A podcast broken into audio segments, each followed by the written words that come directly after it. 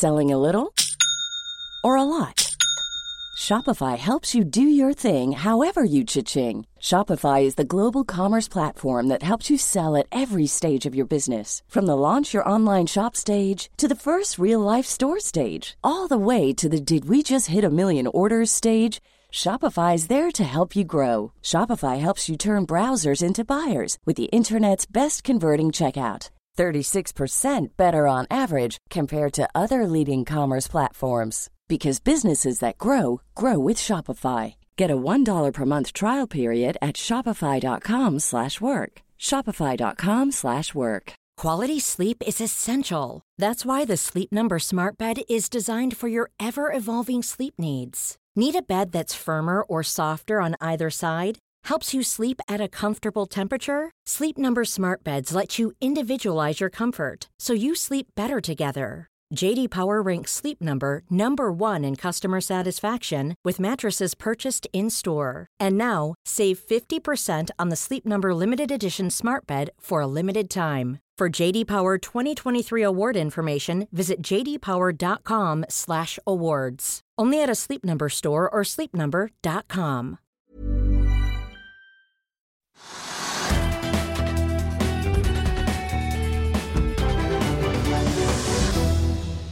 En riktig god torsdag og velkommen til Økonominyhetene på denne 6. oktober, den store budsjettdagen. Det blir det mer om straks. Vi skal både snakke elbiler, skatt og ikke minst om de store budsjettlinjene, og om det nå er nye tider for AS Norge. Hovedindeksen på Oslo Børs ned nå 0,3% 1131 poeng. Nordsjøoljen ned 0,6% til 93 dollar og 10 cent per fat i spotmarkedet. Likevel et relativt godt nivå da, hvis du ser på uken som eh, sådan. Vi har jo tikket da opp igjen over det litt eh, magiske 90-tallet. og Selv om vi ikke snuser på 100 dollar, så er det likevel altså en solid økning som eh, da har blitt drevet frem av spekulasjoner og ikke minst da den endelige beslutningen fra OPEC om å da kutte i produksjonsmålet sitt på to millioner fat fra og med november måned. Det snakket vi jo mer om på Børsmorgen, men jeg tenkte bare vi skulle sveipe over også de store aksjene på Oslo Børs. Equinor og Aker BP opp Equinor 0,6, Aker BP opp 1% Vår Energi 2,2% på nyheten. PGS eh, stiger hele 6,9 eh, nå i dag. Frontline opp 1,8.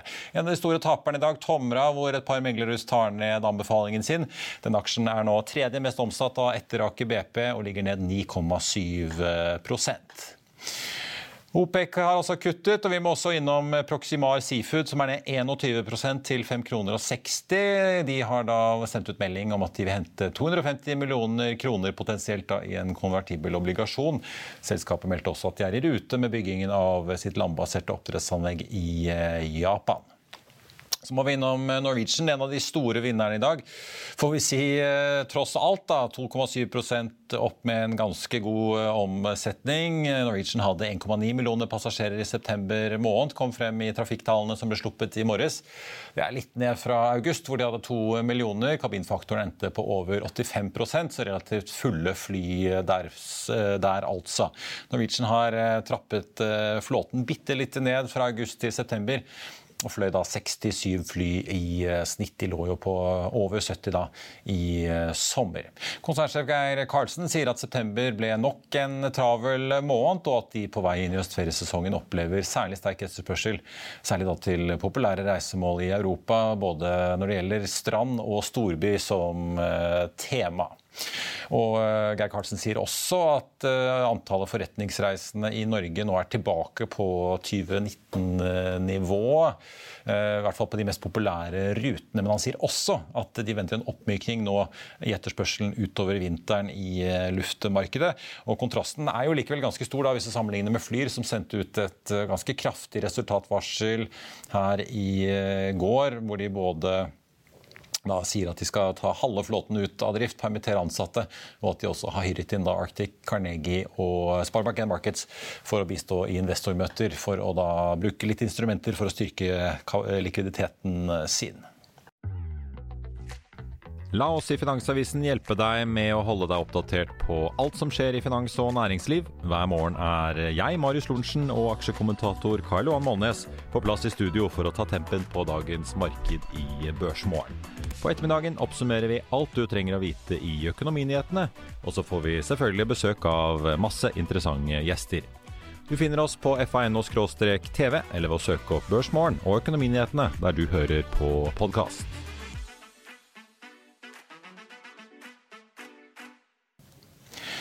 Fra fly skal vi kaste oss over statsbudsjettet, og vi begynner med energi. Det blir eh, strømstøtte ut hele 2023, kunne vi lese i dag. Og man holder seg på den nye og økte satsen som gjelder fra september, også da neste år. Det betyr 90% støtte over 70 øre kilowattimen ut mars måned neste år. Og så legger man seg på 80 eh, over 70 øre fra april til september, før man igjen øker da til 90% igjen fra oktober og ut desember neste år. Prislappen på dette her er ifølge regjeringen 45 milliarder kroner men så får jo staten også da rikelige inntekter i både form av grunnrenteskatt på kraftselskaper og også da utbytter fra en del av disse selskapene som både er kommunalt og statlig eh, eid. Terje Aasland får bruke 165 millioner på å styrke embetsverket og eh, apparatet i energisektoren, eh, som skal da saksbehandle fornybare utbygginger og andre ting. Og man kaster også 3,6 milliarder kroner til på det norske karbonfangstprosjektet Langskip. Norsk eh, gasseksport regnes eh, med å bli økt med 100 TWh til Europa i år, som tidligere skissert, og den totale norske petroleumsproduksjonen anslås eh, til 236 millioner standard kubikk i 2022. Noe som da tilsvarer om lag 2500 TWh med primærenergi, noe som jo får krafteksporten vår til å blekne. Samlet produksjon på norsk sokkel ventes å øke frem mot 2024, bl.a. takket være Johan Sverdrups eh, andre fase, som nå kommer i produksjon nå en gang i løpet av høsten. Ser vi på investeringene på sokkelen, så er de ventet å bli om lag 182 milliarder kroner i år, og man venter omtrent det samme nivået neste år i Olje- og energidepartementet. Vi må ta med litt nyheter om de store prosjektene, som jo mange av serviceselskapene på Oslo Børs lever godt av. Balder Futures-prosjektet vet vi jo allerede etter varselet fra operatør Vår Energi blir 11 milliarder dyrere enn estimatet var i fjor. Nå ligger man inne med et estimat i eh, budsjettdokumentene på 38,8 milliarder kroner. Det er en prisøkning på 17,8 sammenlignet med det opprinnelige estimatet. Johan Castberg-feltet til Equinor i Barentshavet blir også litt dyrere, 2,1 milliarder nærmere bestemt. Dermed er eh, prisøkningen nå oppe i 9 milliarder, og totalregningen har kommet opp i 63 milliarder kroner for dette feltet, som også ble en god del forsinket eh, pga. værutfordringer i Singapore og også koronapandemien. Nord Future-feltet til Equinor, som også er et oppussingsprosjekt eh, litt à la Balder, det er blitt nye 659 millioner kroner dyrere. Dermed er man nå oppe i en ekstra prislapp på 13 milliarder og en sluttsum på 31, som er det foreløpige estimatet. Vi fortsetter budsjettdekningen. Trygve Hegnar er snart på plass i studio for å eh, først snakke skatt med Per Ole Hegdal, leder for Skatt i Danske Bank. Og så går vi over til resten av budsjettet med sjeføkonom Harald Magnus Andreassen i Sparebank1 Markets. Men først skal vi snakke bil, og særlig elbil. For i dag var det mange som fikk seg et sjokk, i hvert fall hvis man kjørte elbilen sin opp på en vekt. Finansavisen Motors Håkon Sæbø var innom studio for kort tid siden for å gi oss en gjennomgang. Håkon Sæbø, programleder i Mil etter mil og selvfølgelig kollega og journalist i FA Motor. Eh, veldig mange ser på oljepengebruk, skatteendringer og alt mulig annet, men du har kasta over endringene i eh, bilavgiftene i dette statsbudsjettet. og Vi ventet jo kanskje at elbilene skulle bli litt dyrere, men eh, det ser ganske dystert ut for de som hadde hoppet på en hyggelig elbilopplevelse? Ja, det er litt av en pakke. Eh, naivt nok, eh, får man vel kanskje si, så var det noen som trodde at kanskje dette skulle bli utsatt noen måneder, slik at man rakk å få med bilene som kommer rett over jul. Ja, altså momsen fra en halv million? Det stemmer, ja. ja. For den ligger jo fast, og det blir fra 1.1, slik det ser ut nå. Så det er jo dårlig nytt selvfølgelig for eh, alle de som venter. Det er jo ganske mange tusen. Ja, for det kommer en god del elbiler eh, fra en rekke produsenter som liksom ligger i pipeline her, er bestilt og signert, og som ligger og vaker rundt uh, årsskiftet. Helt riktig. Ja, Hva snakker vi da? Er det liksom BMW I4, en del EQ Mercedeser? Mye fra Tesla, ja. eh, Volkswagen-gruppen. Ja, i Det hele tatt. Det er eh, mange tusen nordmenn som eh, venter på ny bil, og da begynner det jo å haste med å få disse inn nå. For eh, de hadde jo en annen liten overraskelse på lur da de la frem statsbudsjettet i dag. Ja, og de går jo rett, på en måte, rett i hva skal vi si, hovedpulsåren på elbilene, og deres største svakhet, får vi si, vekten. Ja. Eh, vil ha en vektavgift? Ja, det blir 12,5 kroner på, på vekten per kilo. Så det vil da si at en bil som veier 2,5 tonn, noe en god del eh, elbiler jo gjør, så blir det da 25 000 kroner eh, på toppen. Og det gjelder alle elbiler, egentlig alle biler. Så det vil si at selv om du da tenkte at du var trygg ved å få levert en bil som kostet under en halv million kroner i januar eller februar, så vil det da likevel bli et eh, påslag der. Og momsen kommer jo på toppen av det igjen. Det gjør det. Ja. Mm. Så her kan det bli noen kalkyler. Jeg ser de regner med å dra inn 2,2 milliarder eh, på den vektavgiften. Det er vektavgift på bensin- og dieselbiler i dag, så det er vel egentlig bare at de utvider dette her. Og, eh, og så justerer vi litt på bensin og diesel. Så de i hvert fall lover at det skal fortsatt lønne seg å kjøpe elbil. da. Mm. Ja. Det stemmer. Eh, men det er jo klart, det er jo irriterende da, hvis du har eh, i vente en sånn Volkswagen ID4, da, som eh, mange er nysgjerrig på og mange også har bestilt og gledet seg til. Det finnes jo mange andre som havner i det området rundt en halv million kroner. Vil jo da bli 24 000 kroner dyrere, da. Au da. Mens um, hvis du har en Taycan Turbo S, f.eks., så snakker vi 330 000 kroner. Og så er det vel sånn at Når denne vektavgiften på elbiler først er, først er, kommet, så er det vel kanskje lettere å skru litt på satsene sånn år for år eh, enn det er å introdusere en helt ny avgift eh, som svir. Mm. Jeg så Elbilforeningen kalte dette tidenes verste elbilbudsjett. Eh, er det grunn til å si det, eller? Ja, altså, det er jo klart. Eh, det er jo mange aktører i Norge som har tjent veldig gode penger på å selge eh, elbiler. Så at det lå noe i kortene der, at det måtte komme noe Denne eh, momsen er jo ventet. det har jo aldri, Alle har jo tenkt at den skal komme. Men vektavgiften på toppen, den sårer nok litt ekstra, tror jeg. Det er litt annet også, vi må bare ta til slutt. Eh, firmabilbeskatning eh, blir lik for elbiler og vanlige biler. Omregistreringsavgiften blir også lik. Eh, og de kapper enda litt mer av fordelene på plug-in-hybrider. Mm, stemmer det. Eh, jeg sjekket litt tall på eh, plug-in-hybridene, og for en eh, Range Rover, stor Range Rover med 510 hestekrefter og, over, og, og et stort batteri, så blir det rundt 40 000 der omkring. Så ikke noe sånn voldsomt dramatisk med tanke på at det er en bil som koster godt over 2 millioner kroner. De ble jo ganske mye dyrere i år fra i fjor. Det stemmer. Så mye av fordelen forsvant jo sist nyttår. Ja. På en Porsche 911 så blir det ca. 60 000-80 000 kroner mer. Så får vi se om det stopper folk fra å suse inn dørene hos Autosentrum og de andre forhandlerne rundt omkring i eh, Norge. Håkon Sæbø i FA Motor, tusen takk skal du ha. Så får vi følge med hva det endelige oppgjøret blir når de er enige på Stortinget.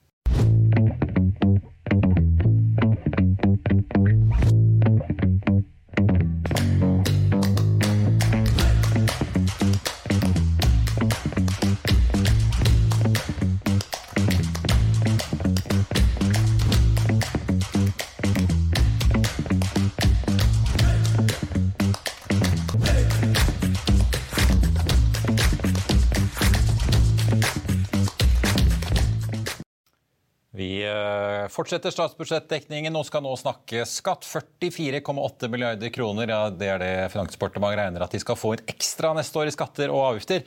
Med meg nå så har jeg Trygve Hegnar og Per Ole Hegdal, leder for skatt i Danske Bank. Mange kjenner deg jo fra Skattebetalerforeningen. Velkommen.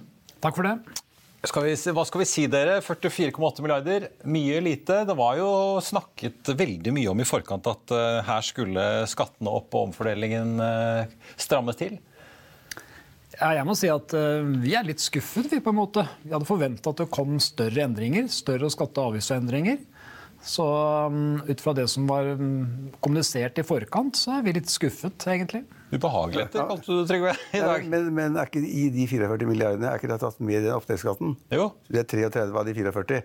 Og det er differansen som da Kraft og, kraft og oppdrett? Ja, ja, kraft og oppdrett. Og det er differansen som angår mener kan, kan man si. da. Mm. Og der er jo endringene jeg er litt enig med deg, altså, endringene er veldig små, det er marginale. Det er liksom litt noen milliarder økning for de som tjener mindre enn 750 000, og så er det litt mer for de som tjener mer enn 750 000. Henholdsvis 4 milliarder mindre i skatt og 3 milliarder mer i skatt. Og så er det da noen andre små tilpasninger som, som nesten ikke betyr noe. Egentlig er det kjedelig, og det er grått det de har gjort. Og, altså, hadde man ikke hatt den kampen om oppdrettsskatten, så hadde dette vært helt dødskjedelig. Men i og med at det henger i luften ennå og er med, så er, så er det fremdeles kontroversielle ting ved budsjettet som man kan diskutere. Men ellers er det nesten til å sovne av. Ja. Er det, er det, mindre enn du trodde, eller er det en grunn til at de ikke måte kan gjøre mer, fordi at det da begynner å svi så mye at folk begynner å virkelig bli sure? Jeg, jeg tror nok at, uh, at vi, ja, vi, hadde forventa at det skulle komme større endringer. Men uh, jeg må jo si at det er jo veldig bra at uh, skattesystemet er forutsigbart. Da, så man vet hva man har å forholde seg til. Det gjelder både for um, mannen i gata og næringslivet. Jeg tror ikke det er så mange lakseoppdrettere som vil si seg enig i det. Nei, det er jeg enig men det var i forrige uke. Ja. Så hvis man ser til budsjettet nå, så har det vært um, små endringer og ganske forutsigbart. Men likevel så tweaker man litt i gal retning, vil jo mange av de som har en del penger, mene. Ja, altså, det, det, ja, det er, altså De har jo økt formuesskatten, da fra 0,95 til 1. Ja, La oss begynne med den. da. Ja, altså, det er jo, Alle hadde fryktet mer. Altså, det tror jeg alle som er i, i Norge i dag som har en viss formue som det blir formuesskatt av. da, som betyr noe, så tenkte de nok at kanskje regjeringen ville dra til med ett poeng eller annet poeng. eller sånt, da, kunne man tenke seg. Men så har de kanskje lagt en liten reserve for at SV kan legge til etterpå. så de kan forhandle om det kanskje. Men det de la til nå, altså fra 0,95 til 1, det er ingen stor endring i formuesskatten. Det betyr noe, det er irriterende. Og så er det irriterende i sammenheng med utbytteskatten, som de har økt sånn over natta. Ingen har tenkt at det ville komme. Det mener jeg man burde forutsett. Men der øker man da utbytteskatten med 2 prosentenheter. Mm. Og det er klart, Hvis man da sitter i en bedrift og trenger penger til å betale formuesskatten, så må du ta et utbytte. Da, liksom, da koster det mye mer å betale den formuesskatten, og det blir verre. Så det er verre. Men, men, men uh, før man er ferdig med Rødt og SV på Stortinget, så kan det bli enda verre. Et lite kakestykke fra regjeringen kanskje som er satt ut, men da er vi jo på, hvis du tar det, da. Eh, du må da betale fort 37,8% utbytteskatt hvis du da ganger opp selskapsskatten med denne faktoren som man uh, bruker, eh, for å betale en utbytteskatt som da på marginalen over 20 millioner blir 1,4% nå istedenfor 1,35 som det var. Mm. Ja. ja det mye, eller er det liksom det svir, og i tillegg så er det slik at uh, verdsettelsesrabatten på aksjer den reduseres. Så selv om man ikke gjør så mye med prosenten og, og bunnfradraget, så vil jo da mm, aksjene få en høyere verdi når formuesskatten skal beregnes. Ja, Det var sånn Erna Solberg lurte oss alle sammen. det. Hun holdt på med det. Hun snakket aldri om da endringene i verdifastsettelsen, som da ga en mindre rabatt hvert år. Og nå har man kommet dit at disse, disse enten aksjene eller næringseiendom settes nå til 80% av verdien. Det er for en rabatt, det også. Man, på, man, kan jo tenke seg at de tar bort hele rabatten. Men Solberg lurte oss en del år, da, eller lurte mange en del år ved å da liksom ikke snakke så veldig om det at rabatten ble mindre og mindre.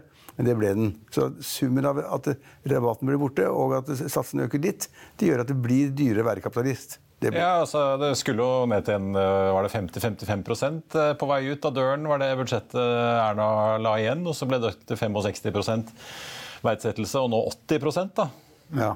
Det er en ganske stor økning for de som enten sitter på aksjer eller næringseiendom? Det er en stor økning, det er ikke noe tvil om. Og da kan man jo spørre seg om, om uh, dette initierer til å investere i aksjer. Og det, det tror jeg dessverre ikke at det gjør. Men det er jo en sånn liten eh, jeg la merke til, eh, driftsmidler for selvstendig næringsdrivende. Den setter de til 70% Er det en, eh, en lite sånn bonus til bønder? og det er for at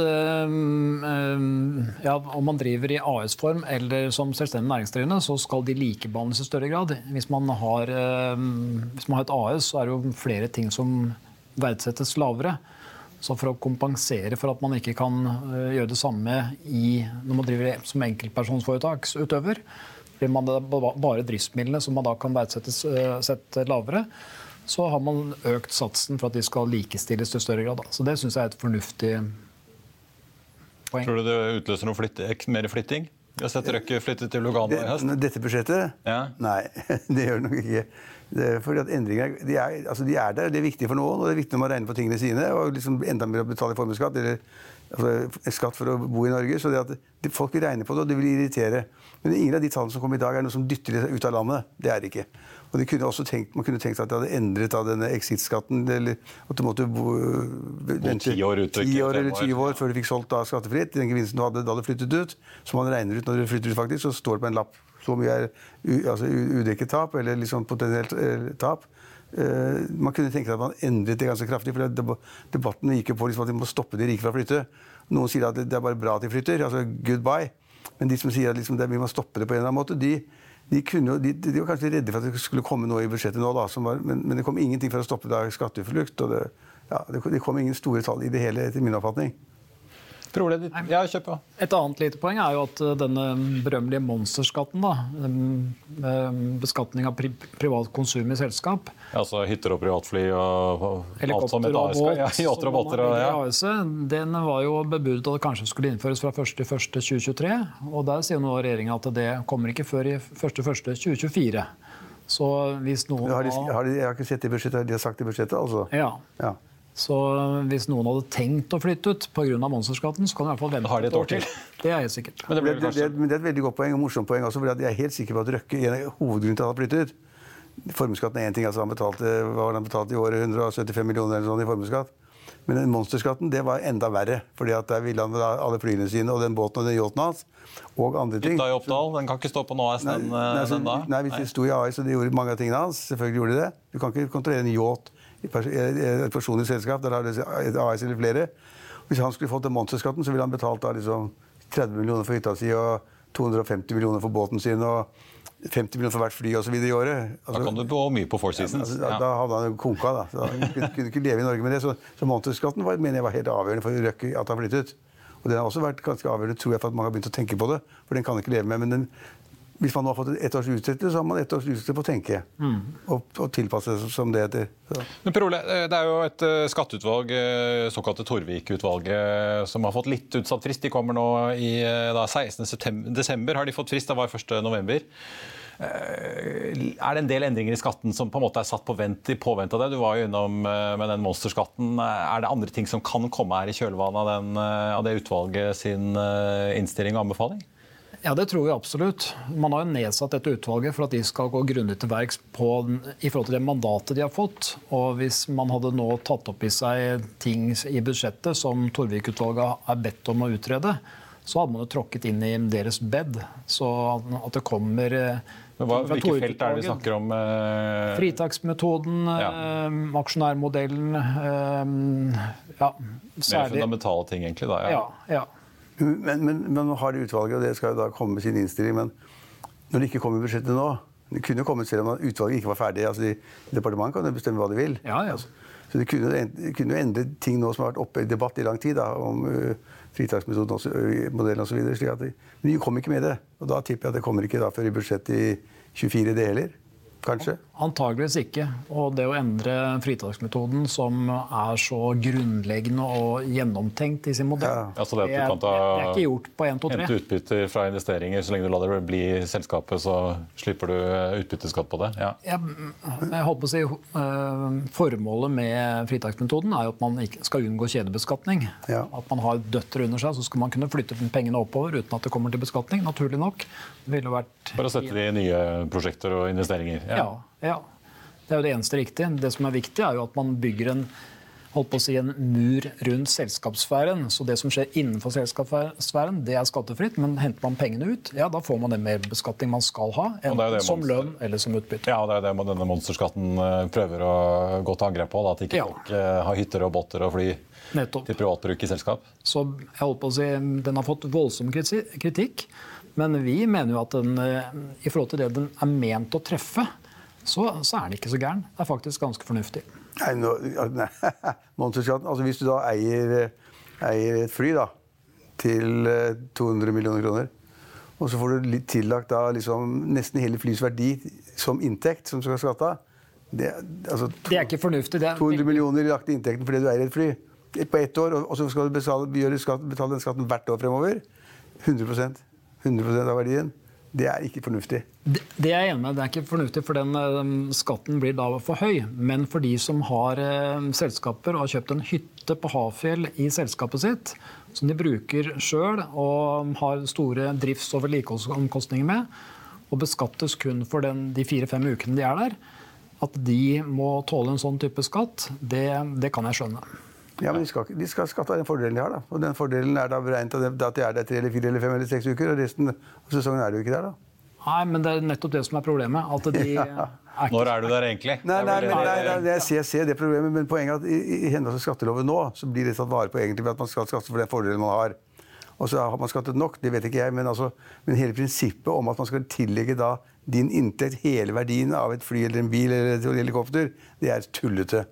Du kan Ja, det er vel at de liksom kaster på sånn at det aldri skal lønne seg. Ja. Du kan ikke- du kan ikke legge til verdien av hele flyet og helikopteret og så skatte av det. Det kan man ikke gjøre.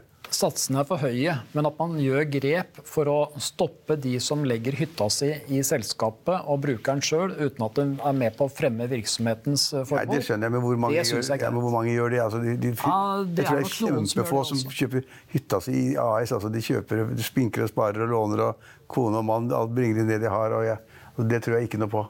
Men de gjør det vel fordi de mistenker masse misbruk, da?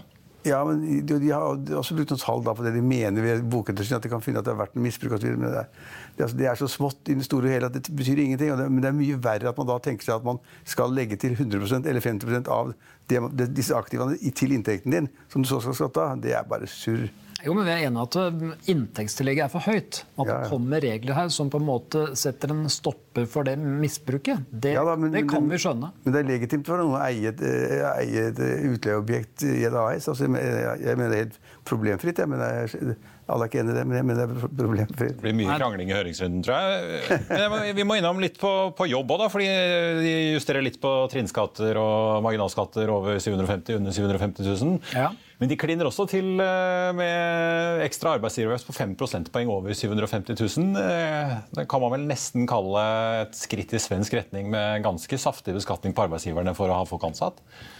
Ja, jeg, jeg, Er det på en måte, Tror du det er en sånn usikker fiskal greie for å få inn penger, eller er det noe Det må primært være for å få inn penger og for å mm, dempe mm, lønnspresset, kanskje. Jeg vet ikke helt. Jeg er, liksom, litt sånn usikker på hvordan det treffer. Men eh, det sier seg selv at det mm, blir dyrere å ha ansatte som tjener bra da, i virksomhetene. Jeg tror det nesten er så primitivt som at man liksom hele tiden har sagt. For det er litt mystisk at 750 000 er sånn magisk tall. ikke sant? Ja, det er 750 750, 750, Det er Under 750, 750 000, da er du en bra, bra borger og betaler skatt som skal. ja. Og er du over 750 000, da er det liksom jækla skummelt. Og her passer det kanskje da å liksom legge litt ekstra skatt på de over 750 000, for å si at de i den gruppen av befolkningen som har en god råd, de, de, de får en ekstra skatt nå, for de har jo hele tiden sagt at de skal betale mer til fellesskapet. Det sier da Gahr Støre og uh, finansministeren stadig vekk. Så det ligger litt i det. Men at det ligger noe særlig sånn provenyeffekt i kroner i det, det, ja, det blir jo penger Ja, for de gjør jo ikke på selskapsskatten som de kunne gjort hvis de ville hente mer penger. Men, men det blir jo veldig dyrt da. Det blir veldig dyrt da med vanlig, vanlig inntektsskatt og den trygdeavgiften. Så er man liksom over 50 hvis jeg forstår. Godt over 50 det er kanskje over 55% da. På, det, på marginalen. Da blir, blir arbeidskraften dyr. Og det er jo ikke sånn at hvis du tjener over 750 000, så er du ikke så veldig rik, da. Hvis du tjener 800 000 eller 900 000 eller 1,1 millioner, du liksom, det, er ikke, det, er ikke, det er litt sånn skummelt at man skal liksom Du har ikke fire hytter og du skal straffe litt spesielt nå. Nei. Hadde det vært på lønn over 2 millioner, eller 5 millioner eller 10 millioner for å ta da de som regnes som veldig sånn, lønnsledende i samfunnet, da, kunne man tenke det. Men det, jeg synes det er et merkelig lite trekk. Jeg tror det er mer psykolo psykologisk art at de rike, de såkalt rike middelklassen i Norge får litt ekstra mer skatt. Sannheten er vel at det er vel ikke så mange som tjener over to millioner, så det er ikke så mye å hente. Nei, det er nok ikke så mange som gjør det. Jeg er veldig enig med Trygve Einar i at um, i den inntektsintervallet, 750 til 900 eller million, de ser ikke på seg selv som rike. Det, på ingen måte. Så at de skal få økt skatt, det tror jeg nok de, de har vanskelig for å fordøye, rett og slett. Eller er du finner alle disse lilla velgerne som shopper mellom Arbeiderpartiet og Høyre, kanskje. Ja, det er mulig. Eller mange av dem. Ja. Men det er jo arbeids, arbeidsgiver som har betalt den avgiften, og det, de irriterer seg, tenker jeg. Men liksom, det, er- du kan ikke si noe til det. det er jo, du regner ut lønn hver måned og sender inn, og der står det da litt høyere beløp nå, men du, du gjør ikke noe med det. Da, du, altså, jeg tror ikke man kan si at det blir så mye skatt og trygdeavgift at folk ansetter færre. Det tror jeg ikke noe på. Nei, Men det- men det det er jo bare en kostnad som ligger i den virksomheten. Som, ja. Og det irriterer sannsynligvis. Det er sånn ir- ir- irritering, hva heter det, irritasjonsskatt? Eller et. Irritasjonsmoment, ja. Irritasjonsavgiften. Ja. Du, dere, jeg tenkte Vi må runde av med, med på en måte fasiten for dette. her, for at Dette skal jo til Stortinget eh, og må jo vedtas av et flertall. Da trenger man eh, i hvert fall SV. Vi vil jo tro at de holder seg til sin faste budsjettpartner. Per Ole, har du noen eh, måte gode tips på hva du tror kan bli justert på her? Nei, det tør jeg Eller ting som kan komme i tillegg? tør ikke å si sikkert, men at det ligger at man her har tenkt litt eh, strategisk i forhold til at det skal også forhandles, forhandles med SV, det tror jeg helt sikkert. Så man, her har man nok litt å gå på, rett og slett. Og det blir jo spennende å se hva man da eventuelt eh, konkluderer med da, etter å ha tatt den runden. Trygve, du var inne på formuesskatten, at den ble ikke økt så mye som du trodde. Er det en sånn eh, lite, lite kakestykke til SV i forhandlingene? Ja, jeg tror det. Jeg tror det at den økningen fra 0,95 til 1 Den er marginal. Det betyr noe, selvfølgelig. Hver krone betyr noe. Men det er akkurat sånn passe sånn liten gave til SV at liksom de krever mer beskatning av formue. Ta de rike mer. Og da kan da regjeringen gå med på å øke den formuesskatten fra 0,95 Istedenfor til 1, så kan du øke til 1,1 eller 1,2 eller 1,3. Og så får en særbeskatning som vi allerede har. For de som da har en formue større enn 20 millioner, da betaler de mer formuesskatt allerede i dag. Så kan de øke den bitte litt med ett altså lite poeng eller to poeng. Det, det, jeg tror det er gavepakke til SV i forhandlingene. Ja. En nødvendig gavepakke for at de skal gå med på dette her. Fordi at, for SV å begynne å surre for mye med marginalskatten på lønn og trygdeavgift, det er jeg ikke så glad i. Selv om de da tror de at de er rike selv om de tjener mer enn 750 000. De, jeg tror de kvier seg for å surre med de skattesatsene. Men formue vi kan ta en liten bit av. Og utbytte skal ikke utelukke at de også krever at istedenfor å øke da utbytteskatten med 2 prosentpoeng, at de øker med 2,5 eller 3 eller noe sånt, og at de forsøker seg på det. Og at regjeringen kanskje gir det litt, litt der også. Kanskje. Men det er vanskelig, for da må man jo også øke trinnskatten. for ja. det blir fordelaktig. For prøver prøve å holde dette ganske likt. ikke sant? Ja. Så det, jeg tror mer på formuesskatten i en forhandling med SV. Ja. Og så er det noen som sier at liksom, Det står ingenting om arveavgift her, og det kommer ikke heller. Det kommer ikke så lenge Gahr Støre sitter som regjeringssjef. Men nå tror jeg at SV vil forsøke seg på det, og dytte det i fanget under forhandlingene. Og da vil de få blankt nei. For da har Arbeiderpartiet og regjeringen sagt så mange ganger at det blir ingen arveavgift i den perioden vi nå leder. De har sagt det så mange at de kan det ikke bryte, faktisk. De det må de vel utrede en mye ja, større prosess enn vedta? SV kan forsøke seg på det. at liksom, Hva da med litt arveavgift? Kan jeg tenke meg.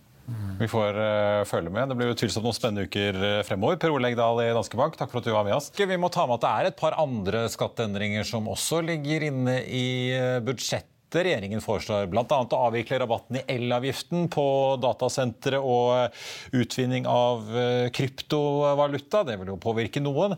De foreslår også å stramme inn oljeskatten, eller nærmere bestemt oljeskattepakken fra 2020, ved at friinntekten, altså dette ekstra investeringsfradraget, skal tas ned fra 17,69 til 12,4% for å være helt eh, nøyaktig, ifølge da Finansdepartementet. Dette gjelder jo da investeringer som eh, påløper fra og med 1.1.2020 2023.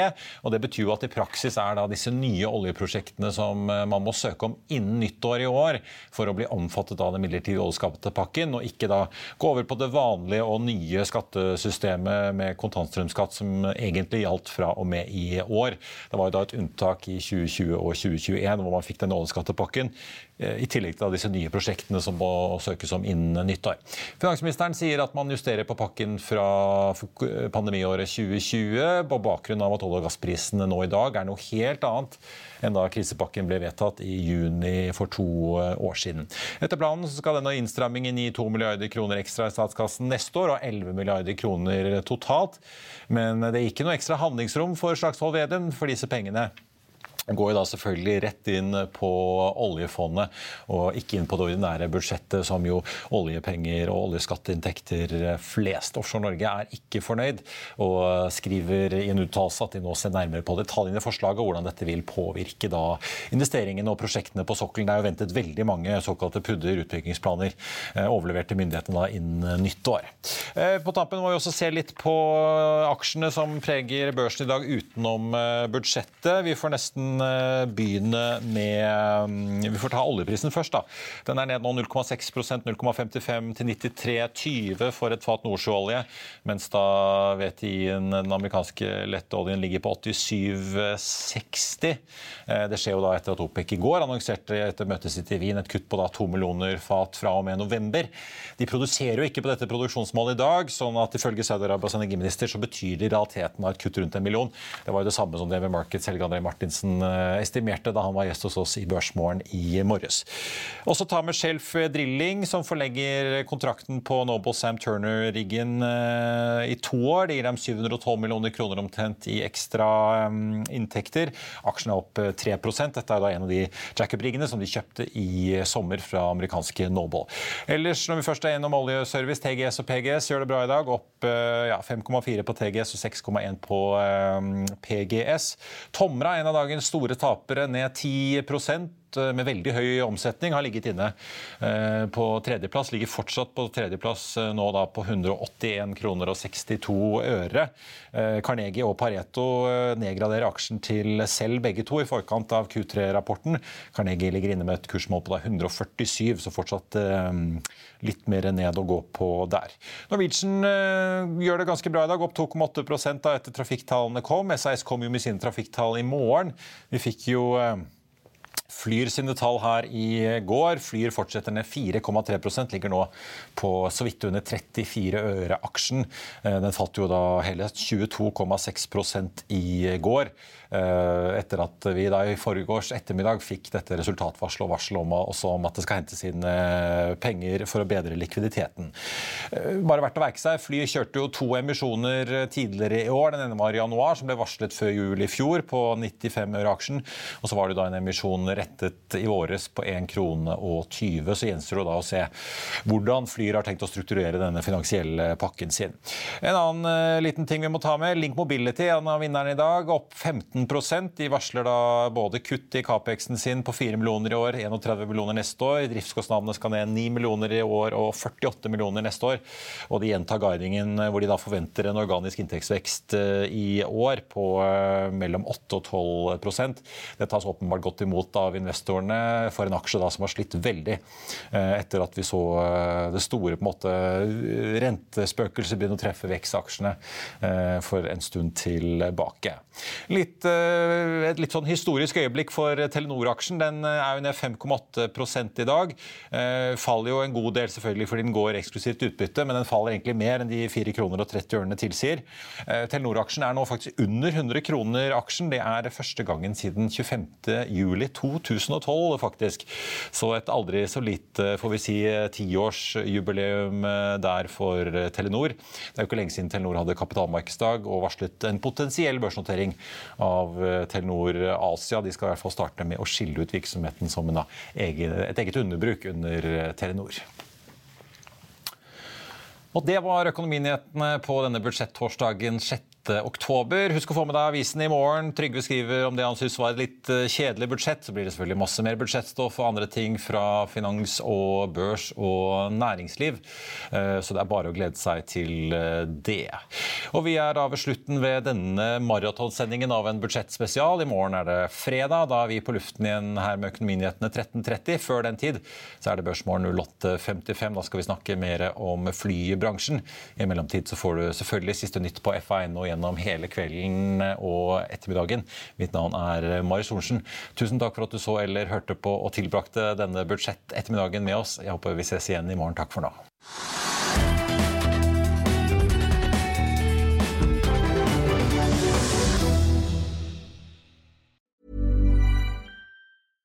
Small details are big surfaces. Tight corners are odd shapes.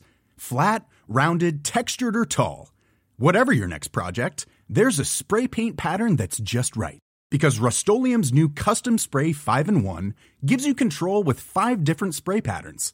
So you can tackle nooks, crannies, edges, and curves without worrying about drips, runs, uneven coverage, or anything else.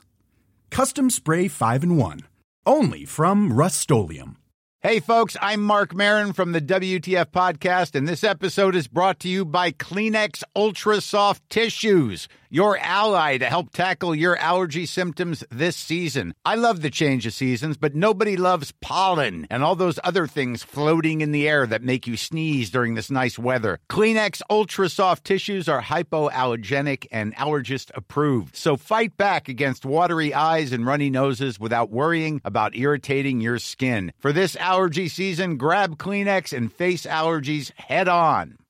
Hi, I'm Daniel, founder of Pretty Litter. Cats and cat owners deserve better than any old fashioned litter. That's why I teamed up with scientists and veterinarians to create Pretty Litter. Its innovative crystal formula has superior odor control and weighs up to 80% less than clay litter. Pretty Litter even monitors health by changing colors to help detect early signs of potential illness. It's the world's smartest kitty litter. Go to prettylitter.com and use code ACAST for 20% off your first order and a free cat toy. Terms and conditions apply. See site for details. Økonominyhetene er en podkast fra Finansavisen. Programledere er Marius Lorentzen, Stein Ove Haugen og Benedikte Storm Bamvik. Produsenter er Lars Brenden Skram og Bashar Johar. Og ansvarlig redaktør er Trygve Hegnar.